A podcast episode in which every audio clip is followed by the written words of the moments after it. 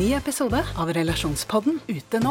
Barndommen var preget av vold, frykt og overgrep i hjemmet. Og lytteren la lokk på alle følelsene frem til han ble 35 år. Nå har følelsene derimot fosset opp til overflaten. Hvordan kan han best håndtere dem? En annen lytter har vært sammen med kjæresten i fire år og føler fortsatt at hun ikke kjenner ham.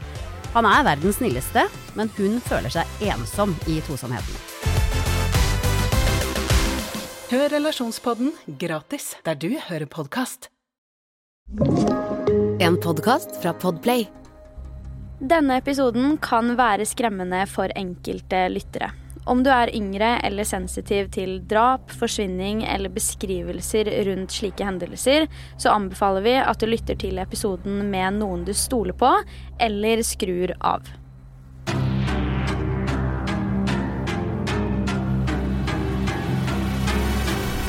Hei og velkommen til en helt ny episode av Forsvinningsfredag podkast. I denne ukens episode så skal jeg ta for meg en sak som jeg er sikker på at noen av dere har hørt om før, da det definitivt er vanskelig å snakke om true crime uten å nevne denne. Saken vi skal snakke om i dag, handler om 17 år gamle Kendrick Johnson. Og på mange måter så blir den saken her sammenligna med Kanika Jenkins-saken, da de begge to i stor grad har en hel haug av overvåkningsvideoer som viser oss mesteparten av saken, men ikke alt. Dette må være en av de mest frustrerende og også hjerteskjærende sakene jeg har vært borti. Så med det sagt så håper jeg også at du tar advarselen i begynnelsen av episoden på alvor. La meg fortelle deg saken om Kendrick Johnson. Kendrick Johnson ble født 10.10.1995 i Valdosta i Georgia i USA. Han gikk på Lones High School og spilte fotball for da skolelaget. Kendrick hadde også en drøm om å søke seg inn på et college hvor han kunne spille fotball for laget der, og han hadde et brennende ønske om å bli profesjonell fotballspiller, selv om han også spilte basketball på siden. Familien til Kendrick beskriver han som en veldig snill og rolig gutt, generelt ganske stille av seg, men også en veldig morsom person når man først blir kjent med han. Foreldrene kan også fortelle at han lagde veldig mye av den gode stemningen på hjemmebane. Lærere og elever på skolen til Kendrick beskriver han som en veldig skoleflink elev. Han var spesielt god i matte og hadde visstnok et øye for tall. I tillegg til det så var han også veldig god i all sport han drev med. Man kan jo med det si at han var en ganske vanlig fyr med høye mål og ambisjoner om hva han skulle gjøre og få til etter high school.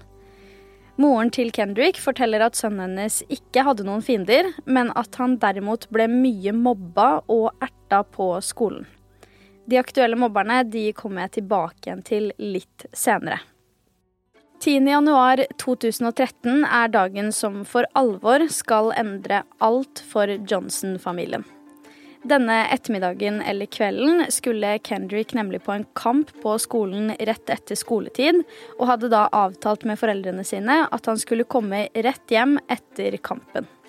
I en vanlig situasjon som denne hadde det skjedd tidligere at Kendrick hadde blitt igjen etter kampen og spilt basket med noen andre elever, eller funnet på noe annet med dem i stedet, men denne kvelden ble han unormalt sen likevel. Kendricks mor forteller at hun begynte å bemerke seg at Kendrick ikke hadde kommet hjem da klokka var rundt ti på kvelden. Så sen pleide han aldri å være, og i så fall ville han alltid gitt beskjed. Dette gjør at hun blir litt bekymra og bestemmer seg derfor for å kjøre til skolen for å se om hun kan se han, slik at hun kan plukke han opp og ta han med seg hjem. Hun ville nemlig ikke legge seg før hun visste at sønnen var trygt hjemme. Morens håp var at Kendrick hadde gjort som tidligere, blitt igjen og spilt basket, hengt rundt skolen eller lignende, men da hun ankommer skolen, er Kendrick ingen steder å finne. Bekymringen stiger naturligvis, og rundt midnatt samme kveld melder moren til Kendrick sønnen sin savna til politiet. På morgenen dagen etter drar moren tilbake igjen til skolen, men denne gangen for å dele ut og henge opp savnet-plakater i håp om at noen visste noe. Samtidig som hun er på skolen i denne sammenhengen, så får hun også vite at Kendrick aldri møtte opp til sin siste time på skolen dagen før, og han var heller ikke på kampen han hadde gleda seg til. Dette var veldig uvanlig både for de andre på skolen og for moren, for Kendrick han var den eleven som alltid møtte opp, og dersom han ikke kom, så var det ingen tvil om hvorfor. Han sa alltid ifra. Men hva var det da som kunne ha skjedd? Hadde noen sett han? Kunne han bare ha forsvunnet sporløst? La meg forklare. 11. januar 2013, altså dagen etter, blir Kendrick Johnson funnet på skolen rundt klokka halv elleve på formiddagen. Det er faktisk noen andre elever som finner den 17 år gamle gutten inne i det de kalte wrestlingmatter, altså typiske gymmatter som sto rulla sammen i hjørnet av gymsalen. For kontekst så kosta det visstnok penger å ha skap i garderoben på denne skolen, så i stedet så var det veldig mange som heller valgte å legge fra seg bagene sine borte ved disse mattene, og flere forteller også at det var tryggere å legge dem der enn å ha de noen andre steder. Elevene som endte opp med å finne Kendrick, forteller at de først hadde sett noen hvite tennissokker som stakk ut av en av mattene, og at de umiddelbart trodde at det var noen som tulla med dem, og at dette rett og slett var en prank. Den aktuelle matta sto skrått inntil noe som gjorde at man kunne se toppen av den, men ikke da helt inni den. Så disse elevene tilkaller da noen lærere, slik at man får sjekka hva som er inni matta.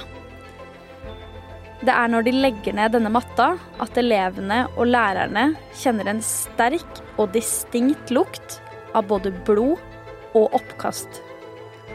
Elevene kunne aldri sett for seg at det faktisk skulle være et ekte menneske inne i matta, men det var det, og dette mennesket skulle vise seg å være 17 år gamle Kendrick Johnson. Han er død. Kendrick blir funnet med buksa litt åpen og med lommene på vei til å bli vrengt ut av buksa. Inne i matta finner man et hvitt par med sko som ligger på en måte bak kneet hans inne i matta, og de finner også en sort sko inni matta. Den tilhørende sorte skoen finner de ved hodet hans, men da på utsiden av gymmatta. Kendrick selv lå opp ned. Som jeg fortalte, så sto denne matta oppreist, og beina hans stakk litt opp i toppen. Det er litt forskjellige forklaringer som går rundt på akkurat hvordan Kendrick lå, da noen hevder at han lå med begge armene tett inntil kroppen, mens andre mener at han hadde den ene armen over hodet. Uavhengig av det så var ansiktet til Kendrick ikke til å kjenne igjen etter å ha ligget opp ned i denne matta i potensielt nesten et døgn. Lengden på denne matta var ca. 182 cm, mens Kendrick selv var ca. 177 cm, så han var noen centimeter kortere enn matta. Etterforskerne var jo også nødt til å måle diameteren på innsiden av dette hullet i matta, og dette ender opp med å bli en diameter på 35 cm. Skuldrene til Kendrick var imidlertid 48 cm, så nesten 10 cm bredere enn hullets diameter. Etterforskerne mener da at det kan være en sannsynlighet for at han har hatt bagen sin inne i matta, og dermed skulle strekke seg etter den og gjort seg smalere for å kunne få tak i den. På den andre siden så har vi familien til Kendrick, som mener at diameteren og bredden på Kendricks skuldre burde vært nok til å bevise at det ikke er det som har skjedd. Hvorfor skulle han risikert å sette seg fast inne i matta for å få tak i bagen, når han heller bare kunne velta matta slik de pleide å gjøre? Politiet har egentlig stått fast ved samme teori hele veien, og man kan absolutt si at det er dette Kendricks sak ble avskrevet som også. De mener nemlig at dette var en ulykke, og forklarer at Kendrick må ha klatra opp på disse mattene via benken som sto ved siden av, falt nedi da han skulle strekke seg etter bagen, satt seg fast og dødd som følge av at han fikk for mye blod til hodet. Personlig så syns jeg jo at denne teorien gir ganske lite mening, spesielt tatt diameteren i betraktning. Hvordan faller man ned i et hull du selv egentlig er bredere enn i skuldrene? Andre elever på skolen har også forklart at det her høres helt unaturlig ut, fordi det ikke er sånn de pleide å hente ut tingene sine. Som nevnt tidligere så pleide de jo nemlig å velte over mattene for at ting skulle falle ut av dem, så hvorfor skulle Kendrick plutselig gjort noe annet? Som du hørte innledningsvis, så er definitivt den største delen av denne etterforskningen overvåkningsbildene fra gymsalen og skolens område. Før jeg går inn i akkurat det, så vil jeg bare informere deg om at noen av disse har jeg lagt ut på Instagram og TikTok, så dersom du ønsker å se dem, så kan du sjekke ut profilene mine der. Jeg heter Forsvinningsfredag på begge. Disse overvåkningsvideoene har blitt bredt diskutert, og folk stiller seg kritiske til mye av det de ser. Det har seg nemlig sånn at det i den fulle videoen mangler noe enkelte mener at har blitt klippet bort for å ikke røpe en gjerningsmann eller lignende. Det tok også litt tid før politiet fikk videoovervåkningen, og også litt tid før det igjen ble offentliggjort. Så som du kan tenke deg, så lurer jo folk på om en eller annen kan ha klippa bort det aktuelle klippet før klippene har blitt levert til politiet. Uansett, dette er det vi får med oss gjennom videoovervåkningen. Rett før klokka ett den 10. januar så ser vi Kendrick gå i gangen på skolen, mens det er andre elever som står og prater like ved. Kendrick hilser ikke på noen av dem, og han går ganske raskt forbi. Da klokka slår ett, så ser vi på videoen at Kendrick kommer inn i gymsalen alene, fra før av så er det elever i gymsalen som spiller basketball, mens Kendrick kommer joggende inn. Dette er også det siste vi har sett av Kendrick i live. Som vi har snakket om før, så er det jo helt essensielt å skaffe seg tekniske bevis i både forsvinningssaker og drapssaker, da det er disse tingene som ofte gir et svar på hva som har skjedd, og eventuelt hvem som har vært involvert. I denne saken ble det imidlertid gjort veldig lite arbeid for å sikre seg slike viktige bevis, og flere reagerer sterkt på akkurat dette. Det tok heller ikke lang tid fra etterforskningen begynte og til politiet i bunn og grunn konkluderte med at dette var en ulykke som nevnt tidligere. Her har jo familie og nære naturligvis veldig mye å melde, da de mener at politiet tok en forhasta slutning da det kom til etterforskningen. En faktor jeg selv syns er veldig interessant dersom man skal tro politiets konklusjon og teori, er dette med det hvite paret med sko som ble funnet rett bak knærne til Kendrick. Ja, selvfølgelig er det jo en sannsynlighet for at han har tatt dem av seg i panikk, og at de dermed har falt ned dit. Men kan det være like stor sannsynlighet for at de ble plassert der i ettertid? Nå har jo jeg sett disse bildene fra denne matta, og jeg syns virkelig ikke at det ser ut som et åsted der noen har tatt av seg disse skoene selv. Men jeg er veldig interessert i å høre hva du tenker om det. Så om du har noen tanker og meninger, må du mer enn gjerne dele dem med meg på Instagram, der jeg heter Forsvinningsfredag. Igjen, veldig mange, inkludert elevene på skolen, syns jo at politiets teori er veldig spesiell, og ikke bare fordi de vet hvordan man egentlig pleier å ta ut tingene sine fra mattene. Dersom teorien til politiet stemmer, så burde man jo ha hatt overvåkningsvideoen som viser nettopp det. Hvorfor er i så fall denne delen fjerna, og hvorfor har ikke politiet sagt noen ting om det? I tillegg er det jo litt rart at ikke en eneste person har hørt noen ting av dette. Ikke engang at han ifølge politiet klatra opp på disse mattene. Jeg nevnte så vidt dette med bevis på åstedet, og at politiet ikke gjorde sin beste jobb på å samle inn disse bevisene. Vel, et av disse tekniske bevisene var faktisk blod på en vegg like ved disse mattene. Dette blodet testa politiet, men de konkluderte med at blodet ikke tilhørte Kendrick, og derfor konkluderte de også med at det ikke hadde noe med saken til Kendrick å gjøre heller. På åstedet ble det også funnet en grå zip-hoodie i tillegg til en sko med oransje lisser, som også hadde noe rødt blodlignende på seg. Politiet mente imidlertid at dette ikke var blod, og valgte derfor å ikke ta det inn som bevismateriale. Og det samme gjaldt også for zip-hoodien. Jeg må snakke litt mer om den sorte skoen som ble funnet på utsiden av matta. Først så må jeg også si at moren til Kendrick har bekrefta at begge skoparene var hans, og at de sorte er de han pleide å skifte til for å trene i. For meg så gir nemlig ikke dette her med skoen helt mening. For hvordan og hvorfor er det kun den som har falt utenfor? Det jeg syns er interessant her, er at hvis vi følger politiets teori om at Kendrick har falt oppi den stående matta, da må jo Kendrick ha falt over og velta denne matta for at skoen skulle falle ut. Om det stemmer, så er det jo for det første ekstra spesielt at ingen har sett eller hørt noen ting. Men i tillegg høres det for meg tilnærma umulig ut at han allerede da hadde kommet seg langt nok inn i matta til å sitte såpass bom fast.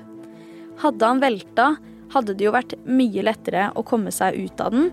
Men en annen ting også. Hvordan har da matta blitt satt opp igjen? Det er mange faktorer her som ikke gir helt mening dersom man følger politiets teori, og det er det som er så vanvittig frustrerende med denne saken. CNN de hadde en veldig interessant samtale med en privatetterforsker som ikke selv var på denne saken, men som likevel hadde tatt et dykk inn i den. Hør på dette. CNN took the photos to independent private investigator and former FBI special agent Harold Kopis. If you were on this scene, would this have been something you would have left? No. Bag and tag. There's no indication investigators ever even looked for the owner of the shoes or this hooded sweatshirt found a few feet from Kendrick's body. And if you look real close, there's something on this particular cuff. And then the question is was it blood? Did you test it?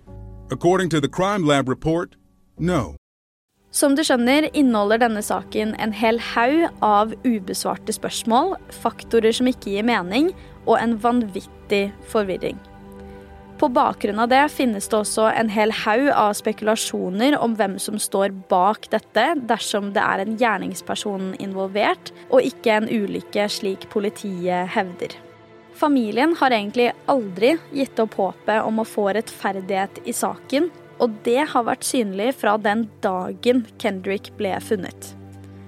Det resulterer faktisk i et søksmål fra familiens side mot etterforskerne i saken den 28. juli 2014 for urettmessig død. Dette søksmålet legger tydelig vekt på at dette absolutt ikke var en ulykke, og at det er tilstrekkelig bevis til å bevise at det skjedde noe kriminelt. I tillegg til dette hevder søksmålet at dette var et rasistisk motivert drap. I søksmålet kommer det frem to navn, men det er spesielt ett av dem som familien mener kan være involvert i drapet på Kendrick Johnson. Denne personen er visstnok en gutt som hadde mobba og erta Kendrick, og også vært fysisk voldelig mot han. Ifølge moren er dette noe hun har rapportert inn til skolen hver gang noe har skjedd, men det har aldri blitt en sak ut av det. Personen som blir nevnt, er da Brandon Bell, og også broren hans Brian Bell, som faktisk var en tidligere klassekamerat av Kendrick. Faren til disse guttene var på tidspunktet en aktiv FBI-agent, og flere har derfor spekulert i om han kanskje har hatt en finger med i spillet om å dekke over et drap, eller for all del en ulykke som har resultert i et dødsfall. Begge brødrene mener knallhardt at de ikke har noen ting med saken å gjøre, men velger også å ikke samarbeide med politiet som definitivt gjør at de ser mer mistenkelige ut. Foreldrene til Kendrick har faktisk ikke bare lagt inn ett søksmål, men flere over tid. Det ene søksmålet var på rundt 100 millioner dollar, og noe av det dette søksmålet omhandler, er at familien mener faren til Brandon O'Brien beordra sønnene sine til å ta livet av Kendrick, og det høres jo helt vilt ut. På bakgrunn av alle disse søksmålene så ender familien Johnson opp med å miste veldig mye av kredibiliteten sin, og folk har etter hvert ikke like stor sympati for dem som de hadde til å begynne med.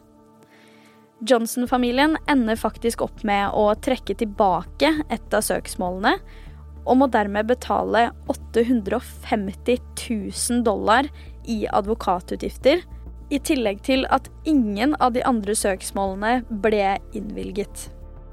I tillegg til alt dette så ble de også selv saksøkt, da for krenkelse av privatlivets fred. 20.6.2016 blir saken offisielt lukka, og 10.8.2017 blir det bestemt at Johnson-familien er nødt til å betale ytterligere 292 000 dollar for advokatutgifter for personene de har anklaget i søksmålene sine. Denne saken ble faktisk gjenopptatt i 2020, og etter hvert kommer det utrolig nok inn en lydfil til Johnson-familien.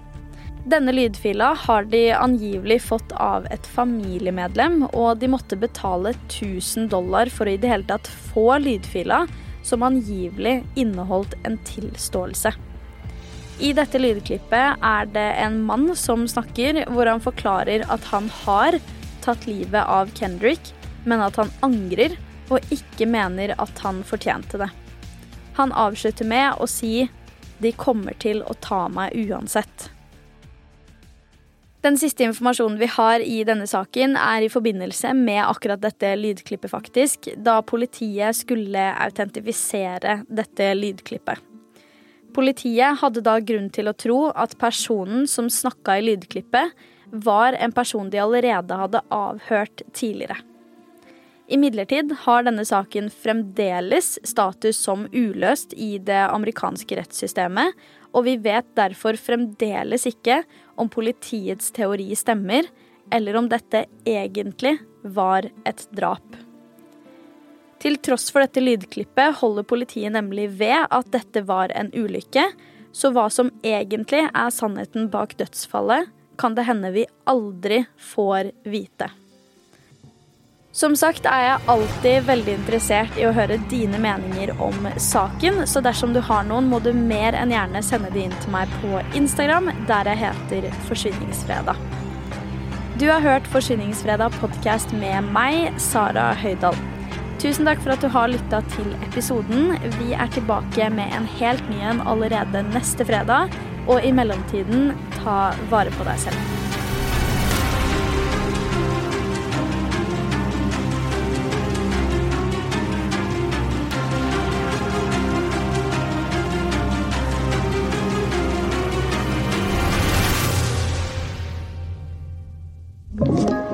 Du har hørt en podkast fra Podplay.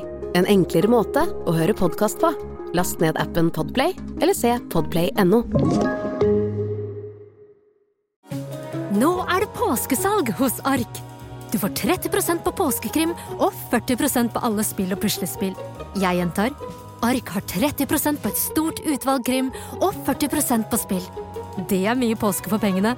Så hamstre påskekosen i nærmeste Ark-butikk eller på ark.no.